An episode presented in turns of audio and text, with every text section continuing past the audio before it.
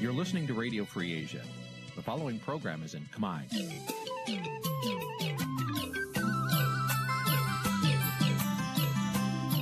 នេះជាកម្មវិធីផ្សាយ Vuthu Azizi Serai នេះជាកម្មវិធីផ្សាយរបស់ Vuthu Azizi Serai ជាភាសាខ្មែរ Vuthu Azizi Serai សូមស្វាគមន៍លោកអ្នកនាងទាំងអស់ពីរដ្ឋធានី Washington នៃសហរដ្ឋអាមេរិក ចាប់ផ្សាយផ្ទាល់ពីរដ្ឋធានី Washington នាងខ្ញុំសុកជីវីសូមជម្រាបសួរលោកអ្នកនាងកញ្ញាដែលកំពុងតាមដានការផ្សាយរបស់ Vuthu Azizi Serai ទាំងអស់ជាទីមេត្រីចាស់យើងខ្ញុំសូមជូនកម្មវិធីផ្សាយសម្រាប់យប់ថ្ងៃអង្គារ14កើនខែមិញឆ្នាំឆ្លូវត្រីស័កពុរសករាជ2565ចាប់ត្រូវនៅថ្ងៃទី15ខែកុម្ភៈគ្រិស្តសករាជ2022ចាស់ជាដំបូងនេះសូមអញ្ជើញលោកអ្នកនាងស្ដាប់ព័ត៌មានប្រចាំថ្ងៃដែលមានមេត្តាដូចតទៅ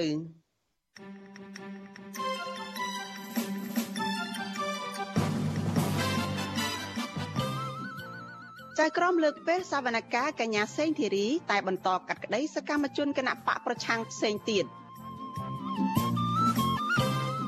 អញ្ញាធិបប្រមានចាត់វិធានការរារាំងក្រុមកោតកោ Nagavel មិនអោយត្រឡប់ទៅធ្វើកោតកម្មវិញរដ្ឋាភិបាលពន្យាពេលអនុវត្តអនុក្រឹត្យស្តីពីការគ្រប់គ្រងច្រកទ្វារបណ្ដាញអ៊ីនធឺណិត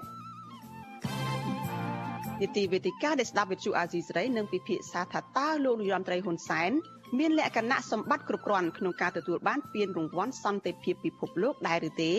រួមនឹងព័ត៌មានសំខាន់សំខាន់មួយចំនួនទៀតចាជាបន្តទៅទៀតនេះនាងខ្ញុំសុជីវីសូមជូនព័ត៌មានទាំងនេះពិស្ដា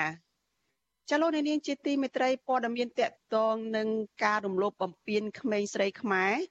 ចាអតីតមេបញ្ជាការកងទ័ពជើងទឹកម្នាក់ ចាត្រូវបានតុលាការសហរដ្ឋអាមេរិកកាត់ទោសឲ្យជាប់ពន្ធនាគារ210ឆ្នាំពីបទរំលោភផ្លូវភេទលើកុមារីខ្មែរនៅក្នុងប្រទេសកម្ពុជាចាគេហាក់ទំព័រក្រសួងយុតិធធសហរដ្ឋអាមេរិកកាលពីថ្ងៃទី14ខែកុម្ភៈឲ្យដឹងថាអ្នកស្រីចៅក្រម Del Fisher បានកាត់ទោសអតីតនាយទាហានចូលនិវត្តន៍គឺលោក Michael Joseph Pep ដែលមានអាយុ68ឆ្នាំឲ្យជាប់ពន្ធនាគារជាង200ឆ្នាំនោះលើកឡើងថាទង្វើរបស់ទណ្ឌិតរូបនេះ គឺជាអំពើទរណកម្មដ៏ព្រៃផ្សៃនិងយងខ្នងជាទីបំផុតលើកុមារីខ្មែរដែលមិនអាចពណ៌នាបានឡើយចៅក្រមរូបនេះបន្តថាទណ្ឌិតរូបនេះនឹងមិនអាចដោះលែងឲ្យនៅក្រៅឃុំជាដាច់ខាតចៅក្រមនឹងកំណត់ពេលវេលាសវនកម្មផ្ដាល់សំណងទៅដល់ជនរងគ្រោះនៅថ្ងៃទី28ខែកុម្ភៈខាងមុខនេះ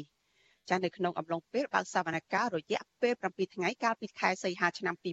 2021ជនរងគ្រោះជាកុមារីខ្មែរចំនួន8នាក់ ក្នុងនោះមានកុមារីម្នាក់ដែលទើបតែមានអាយុ9ឆ្នាំនៅពេលដែលត្រូវចាប់រំលោភបានរៀបរាប់ពីទង្វើដ៏ឃោរឃៅរបស់ទណ្ឌិតរូបនេះម្ដងម្នាក់ម្ដងម្នាក់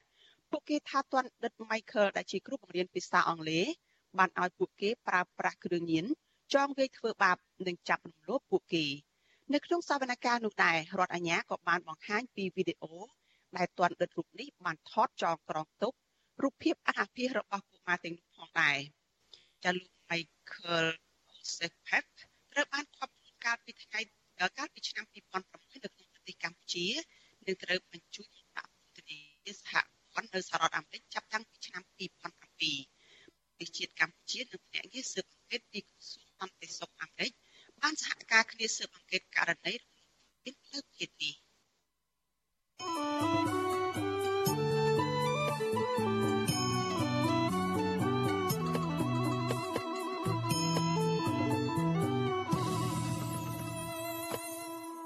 ចាលោកនាងកញ្ញាប្រិយមិត្តជាទីមេត្រីចាងាកទៅព័ត៌មានតកតងនឹងប្រធានគណៈបកប្រឆាំងគឺលោកកឹមសុខាឯនេះវិញចាលោកកឹមសុខាអះអាងថាប្រទេសបែលហ្សិកចង់ឃើញលោកមានសិទ្ធិធ្វើនយោបាយដែលអាចចូលរួមនៅក្នុងការបោះឆ្នោតនៅខាងមុខនេះនៅពេលឆាប់ឆាប់ចាអ្នកវិភាគយល់ថាដើម្បីឲ្យលោកកឹមសុខាមានសិទ្ធិធ្វើនយោបាយឡើងវិញលុះត្រាតែមេដឹកនាំបកប្រឆាំងរូបនេះប្រឹងរើខ្លួនដោយប្រើសិទ្ធិសេរីភាពស្របទៅតាមច្បាប់ ឲ្យคล้ายទៅជាអ្នកនយោបាយដែលសកម្មជាងសប្តាហ៍ថ្ងៃនេះចាសសូមស្ដាប់សេចក្តីរាយការណ៍របស់លោកទីនសការីយ៉ាអំពីរឿងនេះប្រទេសបែលហ្សិកដែលជាប្រទេសលោកសេរីបង្ហាញចំហថាចង់ឃើញកម្ពុជាដើរលើផ្លូវប្រជាធិបតេយ្យសេរីពហុបកដោយដែលមានចែងនៅក្នុងរដ្ឋធម្មនុញ្ញដែលជាច្បាប់កម្ពុជារបស់កម្ពុជាសំណើបែបនេះគណៈកម្ពុជាដឹកនាំដោយគណៈបកប្រជាជនកម្ពុជារបស់លោកហ៊ុនសែនបានរំលាយគណៈបកសង្គ្រោះជាតិកាលពីឆ្នាំ2017 ប្រធានគណៈបកសង្គ្រោះជាតិលោកកម្មសខាលើកឡើងតាមរយៈទំព័រ Facebook របស់លោកនៅថ្ងៃទី15កុម្ភៈថារដ្ឋាភិបាលបែលហ្សិកបានយកចិត្តទុកដាក់តាមស្ថានភាពនយោបាយកម្ពុជាលោកបន្តថាប្រទេសជាសមាជិកដ៏សំខាន់នៃសហភាពអឺរ៉ុបមួយនេះចង់ឃើញលោកមានសិទ្ធិពេញលេញសិទ្ធិសេរីភាពនយោបាយដែលអាចចូលរួមក្នុងការបោះឆ្នោតបាននាពេលខាងមុខឆាប់ៗនេះលោកកម្មសខាថ្លែងឲ្យដឹងដូចនេះក្នុងជំនួបរវាងលោកជាមួយឯកអគ្គរដ្ឋទូតថ្មីនៃប្រទេសបែលហ្សិកប្រចាំ4ប្រទេស គឺកម្ពុជាថៃឡាវនិងភូមាគឺនៅជ្រៃស៊ីប៊ីលដេកាត់ជេនៅថ្ងៃទី15កុម្ភៈការលើកឡើងរបស់ឯកអគ្គរដ្ឋទូតប្រទេសបែលហ្សិកនៅពេលនេះស្របពេលដែលសាលាដំបងរាជធានីភ្នំពេញកំពុងបន្តសវនាការជំនុំជម្រះរឿងក្តីលោកកម្មសខាកន្លងមកហើយតុលាការនឹងក្រុងបន្តសវនាការនៅថ្ងៃទី16កុម្ភៈនេះទោះជាយ៉ាងណាមេធាវីលោកកម្មសខាចង់ឃើញតុលាការកាត់ក្តីឲ្យបានយ៉ាងតិច5ថ្ងៃក្នុងមួយសប្តាហ៍ដើម្បីពន្លឿនដំណើរការរឿងក្តីនេះឲ្យបានឆាប់ ខណៈលោកកម្មសខារងការចាប់ប្រកាន់អស់រយៈពេល4ឆ្នាំមកហើយប៉ុន្តែតុលាការមិនទាន់រកឃើញថាលោកមានទោសឬគ្មានទោសនៅឡើយទេលោកកម្មសខាក៏ឲ្យដឹងកាលពីពេលថ្មីថ្មីនេះថាអាយអគ្គរដ្ឋទូតសហភាពអឺរ៉ុបនិងអ្នកការទូតតំណាងប្រទេសនានាផ្សេងទៀតក៏បានចាប់អារម្មណ៍ចំពោះភាពអយុត្តិធម៌និងសេរីភាពរបស់លោកចំពោះការពន្យាពេលការលើកពេលនិងការយឺតយ៉ាវនៃដំណើរការសវនាការរឿងក្តីរបស់លោកនេះដែរ លោកកម្មសខាត្រូវបានសមត្ថកិច្ចចាប់ខ្លួនដោយចាប់ប្រកាន់ពីបទក្បត់ជាតិនិងចោទថាបានខົບខិតជាមួយសហរដ្ឋអាមេរិកដើម្បីផ្ដួលរំលំរដ្ឋាភិបាលកាលពីឆ្នាំ2017ជុំវិញនឹងករណីនេះវិទ្យុអាស៊ីសេរីមិនអាចសុំការឆ្លើយតបពីប្រធានសាលាដំបងរាជធានីភ្នំពេញលោកតាំងសុនឡាយនិងប្រធានលេខាធិការដ្ឋានសាលាដំបងរាជធានីភ្នំពេញលោកអ៊ីរិនបានទេនៅថ្ងៃទី15កុម្ភៈទោះជាណាអ្នកនាំពាក្យគណៈបកប្រជាជនកម្ពុជាលោកសុកអេសានឆ្លើយតបចំពោះការចង់បានរបស់ឯកអគ្គរដ្ឋទូតប្រទេសបែលហ្សិកនៅពេលនេះថា សំណុំរឿងនេះស្ថិតនៅក្នុងដៃតុលាការហើយការសម្រេចបែបណានោះគឺជាសិទ្ធិរបស់តុលាការគ្មានជនបរទេសណាអាចមកបង្ខំបានទេលោកនៅតែចោទប្រកាន់ថាលទ្ធផលដែលលោកកម្មសខាបាត់បង់សិទ្ធិធ្វើនយោបាយនៅពេលនេះព្រោះផ្អែកលើភស្តុតាងវីដេអូដែលលោកកម្មសខាបានថ្លែងនៅប្រទេសអូស្ត្រាលីកាលពីឆ្នាំ2013 នេះជាការសម្ដែងចិត្តគំនិតរបស់គាត់ទេ វាមិនមែនត្រឹមតែទូតបែលហ្សិកទេទូតបារាំងក៏ដោយទូតអាល្លឺម៉ង់ក៏ដោយតែតែទៅជួបគាត់គេចង់ឃើញគាត់មានសិទ្ធិធ្វើនយោបាយឡើងវិញ ជាទូទៅណាជារួមអញ្ចឹងគឺថាតាំងពីគាត់ជួបមកប្រហែលខែប្រហែលថ្ងៃហើយវាអត់ទាន់ឃើញបានមានសិទ្ធិធ្វើនយោបាយឡើងវិញផងហ្នឹងអាហ្នឹងវាបានន័យថាករណីកម្មសការកំពុងស្ថិតនៅក្នុងដំណើរការនីតិវិធីរបស់តុលាការ ទោះបីជានេះក្តីនៅវិភាគនយោបាយដែលកំពុងតែភៀសខ្លួននៅប្រទេសហ្វាំងឡង់លោកកឹមសុខយល់ថាការលើកឡើងរបស់ឯកអគ្គរដ្ឋទូតប្រទេសបែលហ្សិកនៅពេលនេះជាការបញ្ជាក់ថាសហគមន៍អន្តរជាតិនៅតែចង់ឃើញការប្រកបប្រជែងក្នុងការបោះឆ្នោតឆ្នាំ2022និងឆ្នាំ2023ខាងមុខមានការចូលរួមពីគណៈបកសង្គ្រោះជាតិដែលជាគណៈបកដែលមានកម្លាំងប្រដុំប្រសងអាចប្រកួតប្រជែងជាមួយគណៈបកកណ្ដាលអំណាចបានលោកកឹមសុខបន្តថាលោកកឹមសុខាដែលជាមេដឹកនាំគណៈបកប្រឆាំងនឹងកំពុងរងភាពអយុត្តិធម៌ គួរតែប្រឹងរើខ្លួនដោយប្រើសិទ្ធិសេរីភាពតាមច្បាប់ឲ្យคล้ายជានយោបាយសកម្មជាងសពថ្ងៃនេះហ៊ានបន្លឺសំឡេងស្របច្បាប់ចន្លោះដែលច្បាប់អនុញ្ញាតឲ្យធ្វើឧទាហរណ៍កោតកម្មអហិង្សាដើម្បីបញ្ជាក់ថាមេដឹកនាំនយោបាយនេះនេះចង់បានសិទ្ធិចូលរួមប្រកួតខ្លាំងណាស់ទើបមានការប្រែប្រួលដែលអាចជាទីសង្ឃឹមចាប់តាំងពីលោកកម្មសខាត្រូវបានតឡាការលើកបំរាមអាចឲ្យជួបអង្គទូតប៉ុន្តែមិនអាចចេញក្រៅប្រទេស និងមានសិទ្ធិធ្វើនយោបាយឡើងវិញបានកាលពីឆ្នាំ2019មកប្រធានគណៈបកប្រឆាំងរូបនេះតែងតែត្រូវបានអង្គទូតនានាចូលជួបសួរសុខទុក្ខនិងចង់ឃើញលោកកម្មសខាមានសិទ្ធិសេរីភាពអាចធ្វើនយោបាយឡើងវិញលោកកម្មសខាក៏ធ្លាប់បង្ហាញពីក្តីសង្ឃឹមថាចង់ឃើញតឡាការទម្លាក់បទចោទលើលោកដើម្បីបង្ហាញពីការផ្សះផ្សាជាតិឡើងវិញខ្ញុំទីនសាការីយ៉ាអសិលសេរីប្រធានីវ៉ាស៊ីនតោន ចាលោកនាងជាទីមេត្រីចាលោកអ្នកកំពុងតែតាមដានការផ្សាយរបស់ Vithu Azizi សេរីចាផ្សាយចេញពីរដ្ឋធានី Washington សហរដ្ឋអាមេរិកចាលោកនាយករដ្ឋមន្ត្រីហ៊ុនសែនទទួលបានការសាទរភ្លុកទឹកភ្លុកដីពីប្រព័ន្ធឃោសនារបស់លោកថាលោកបានលើកមុខមាត់កម្ពុជាដោយទទួលបានពានរង្វាន់សន្តិភាពពីអង្គការសាសនារបស់ប្តីប្រពន្ធជនជាតិកូរ៉េ2នាក់ដែលមានឈ្មោះមិនសូវល្អចាប់ពានរង្វាន់ដែលលោកនាយរដ្ឋមន្ត្រីហ៊ុនសែនទទួលបាននេះមិនមែនជាពានរង្វាន់ Nobel សន្តិភាព ដ៏មានកេរ្តិ៍ឈ្មោះល្បីល្បាញលើពិភពលោកនោះទេចាលោកអ្នកនាងប្រកាសជាកំពុងមានចម្ងល់ដែរថាតើអ្វីទៅជាពានរង្វាន់ Nobel សន្តិភាពពិភពលោកហើយថាតើហេតុអ្វីបានជាលោកនាយរដ្ឋមន្ត្រីហ៊ុនសែនមិនទទួលបានពានរង្វាន់ Nobel សន្តិភាពតែបែរជាទទួលបានពានរង្វាន់ពីអង្គការឯកជនមួយនេះទៅវិញចាសសូមលោកអ្នកនាងរងចាំតាមដានកិច្ចពិភាក្សាអំពីរឿងនេះនៅក្នុងនីតិវេទិកានៃស្ដាប់វិទ្យុអាស៊ីសេរីចានៅយប់ថ្ងៃអង្គារទី15ខែកុម្ភៈនេះ ចាបើសិនបើលោកអ្នកនាងមានជាសំណួរចង់សួរមកវាគ្មិនរបស់យើងឬក៏ចង់បញ្ចេញមតិយោបល់ចាសូមលោកអ្នកនាងដាក់លេខទូរស័ព្ទរបស់លោកអ្នកនាងនៅក្នុងខ្ទង់ comment របស់ YouTube និង Facebook របស់ Vithu Azizi សេរីដែលកំពុងផ្សាយផ្ទាល់នេះចាស់ក្រុមការងាររបស់ Vithu Azizi សេរីនឹងហៅទៅលោកអ្នកនាងវិញ។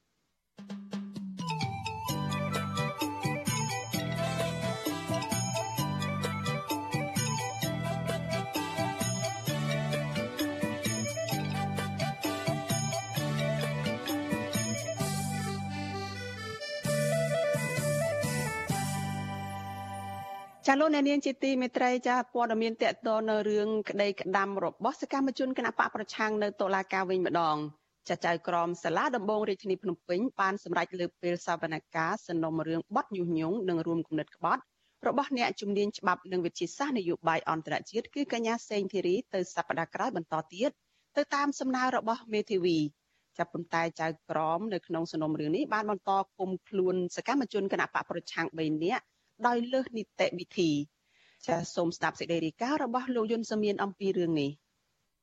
តុលាការមិនបានពិនិត្យលើសំណុំរឿងបទចោទញុះញង់និងរួមគំនិតក្បត់របស់កញ្ញាសេងធីរីនៅថ្ងៃទី15កុម្ភៈនេះតាមគម្រោងបានទេដោយសារមេធាវីលោកជួងជូងីនិងជនជាប់ចោទគឺកញ្ញាសេងធីរីត្រូវធ្វើចតាឡេស័កនៅផ្ទះរៀងៗខ្លួន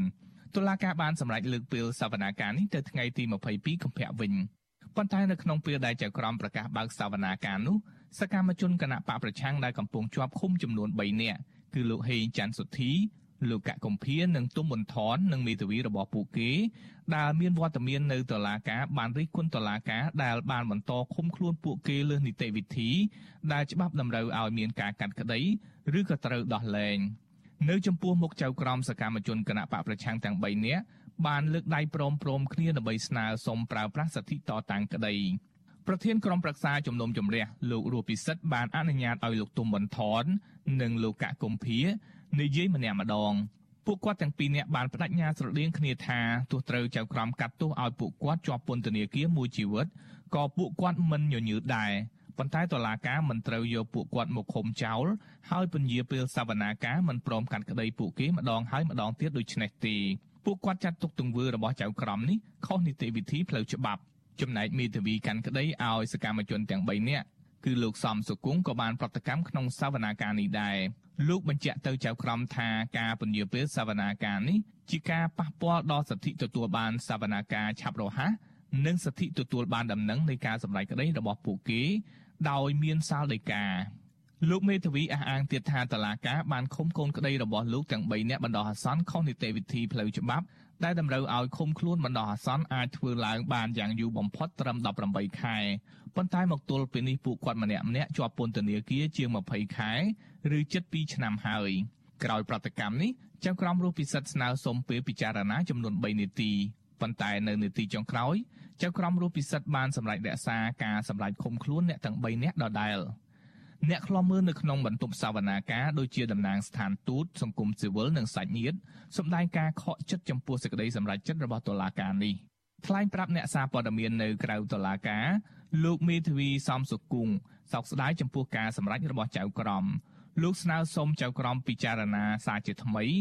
ដោយគួរតែដោះលែងកូនក្តីរបស់លោកទាំង3នាក់ឲ្យនៅក្រៅឃុំបណ្ដោះអាសន្នសិន។ សូមឲ្យកូនប្តីនឹងបាននៅក្រៅគុំជិបដ៏អសន្នហើយសាវនាការអាចបញ្ជាពេលទៀតក៏បានដែរឲ្យតែពួកគាត់បាននៅក្រៅគុំជិបដ៏អសន្នចំណែកសាច់ញាតិរបស់អ្នកជាប់ឃុំទាំង3នាក់ក៏ខកចិត្តចំពោះចៅក្រមរੂពិសិដ្ឋខ្លាំងដែរ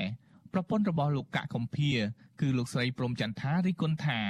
ការសម្រេចក្តីនេះគឺជាការបន្ថែមភាពអយុត្តិធម៌បន្ថែមទៀតសម្រាប់លោកកកកំភាព្រោះលោកមិនបានញុះញង់ឬរួមគំនិតក្បត់ជាតិឬក៏ប្រព្រឹត្តកំហុសអ្វីឡើយ។ លោកស្រីព្រំចន្ទថាសំណុំពរឲ្យលោកនាយករដ្ឋមន្ត្រីហ៊ុនសែនអន្តរាគមទៅតុលាការឲ្យកាត់ក្តីសកម្មជនគណៈបកប្រឆាំងទាំង3នាក់នេះឲ្យបានឆាប់លោកស្រីក៏អង្វរឲ្យរដ្ឋាភិបាលបញ្ឈប់ការធ្វើបាបគ្រួសារលោកស្រីទៀតព្រោះអាជ្ញាធរបានចាប់ឃុំខ្លួនលោកកកកំភាតាំងពីគាត់មានសុខភាពល្អរហូតដល់ធ្លាក់ខ្លួនឈឺរ៉ាំរ៉ៃគ្មានថ្នាំព្យាបាលនៅក្នុងពន្ធនាគារ ប្រាស់គ្រួសាររយៈពេល20ខែ15ថ្ងៃហើយអ្នកខ្លះក៏2ឆ្នាំហើយអញ្ចឹងលោកក៏មានកូនលោកក៏មានប្រពន្ធលោកក៏មានចៅលោកគួរគិតថាតើមនោសចេតនាប្តីប្រពន្ធនិងកូនចៅតើយ៉ាងម៉េចដែរជុំវិញការសម្រេចបន្តឃុំសកម្មជនគណៈបកប្រឆាំងទាំង3នាក់ហួសនីតិវិធីឃុំខ្លួនបណ្ដោះអាសន្ននេះវិទ្យុអាស៊ីសេរីមិនអាចសុំការបញ្ជាក់ពីអ្នកនាំពាក្យសាលាដំបងរាជធានីភ្នំពេញលោកអ៊ីរ៉ានបានទេនៅថ្ងៃទី15កុម្ភៈសម្រាប់ក្រុមឃ្លាំមើលសិទ្ធិមនុស្សវិញយល់ស្របនឹងសំណុំពររបស់សាច់ញាតិ និងមេធាវីរបស់អ្នកកំពុងជាប់ឃុំទាំង3នាក់នាយកទទួលបន្ទុកកិច្ចការទូតទៅនៃអង្គការលីកាដូលោកអំសំអាតលើកទឹកចិត្តឲ្យតុលាការដោះលែងសកម្មជនទាំង3នាក់នៅក្រៅឃុំបណ្ដោះអាសន្នសិនដើម្បីបញ្ជាការរិះគន់ទាំងឡាយករណីនេះថាជាដំណើរការលើកខែផលអំពីពេលទីកំពុងតែដំណើរការប៉ុន្តែបើយើងនិយាយអំពីសិទ្ធិរបស់ជនដែលត្រូវចោទដែលកំពុងជាប់គុកបណ្ដោះហ្នឹងវាសិទ្ធិរបស់គាត់ តុលាការបានឃុំខ្លួនសកម្មជនគណៈបកប្រឆាំងទាំង3នាក់ក្នុងបទចោទញុះញង់និងរួមគំនិតក្បត់ពាក់ព័ន្ធករណីបង្ហោះសារគាំទ្រផែនការវិលចូលស្រុកកាលពីឆ្នាំ2019របស់ប្រធានស្ដីទីគណៈបកសង្គ្រោះជាតិលោកសំរងស៊ីតុលាការបានចោទប្រកាន់មនុស្សជាង40នាក់ក្នុងសំណុំរឿងនេះរួមទាំងក្រុមមេដឹកនាំគណៈបកប្រឆាំងកំពុងរស់នៅក្រៅប្រទេសផងដែរខ្ញុំយុនសាមៀនវិទ្យុអាស៊ីសេរីប្រធានាធិបតី Washington ចាលោកនាងជាទីមេត្រីចាដំណើរគ្នានឹងការផ្សាយផ្ទាល់តាមបណ្ដាញសង្គម Facebook និង YouTube នេះចាលោកនាងក៏អាចស្ដាប់ការផ្សាយរបស់ Vithu Azizi សេរីចាតាមរយៈ Vithu រលកធាតុអាកាសខ្លីចា SW ដែលហៅថា Shortwave ចាប់ពេលព្រឹកចាប់ពីម៉ោង5កន្លះដល់ម៉ោង6កន្លះតាមរយៈរលកធាតុអាកាសខ្លី9390 kHz ស្មើនឹងកម្ពស់ 32m និង11850 kHz ស្មើនឹងកម្ពស់ 25m ចាប់ពេលជប់ចាប់ពីម៉ោង7កន្លះដល់ម៉ោង8កន្លះតាមរយៈរលកធាតុអាកាសខ្លី9390 kHz ស្មើនឹងកម្ពស់ 32m និង15155 kHz ស្មើនឹងកម្ពស់ 20m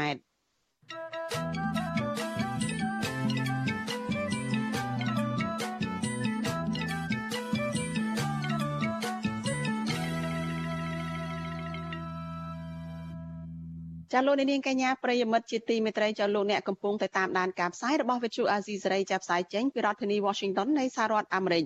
ចាសេចក្តីរាយការណ៍តកតនឹងការឆ្លងរាលដាលជំងឺ Covid-19 វិញម្ដងក្រសួងសុខាភិបាលរកឃើញអ្នកឆ្លងជំងឺ Covid-19 ចំនួន184អ្នកថ្មីទៀតដែលសុទ្ធសឹងតែជាមេរោគបំផ្លាញខ្លួនថ្មីអូមីក្រុងហើយក្នុងនោះ9អ្នកគឺជាករណីនាំចូលនិង175នាក់ទៀតគឺជាករណីឆ្លងនៅក្នុងសហគមន៍ចានេះគឺជាលទ្ធផលដែលបញ្ជាក់ដោយម៉ាស៊ីនពិសោធន៍ PCR ចាស់គិតត្រឹមព្រឹកថ្ងៃទី15ខែកុម្ភៈនេះកម្ពុជាមានអ្នកកើតជំងឺ Covid-19 ជាង140,000នាក់ក្នុងនោះអ្នកដែលជាសះស្បើយមានជិត120,000នាក់និងអ្នកស្លាប់មានចំនួន3015នាក់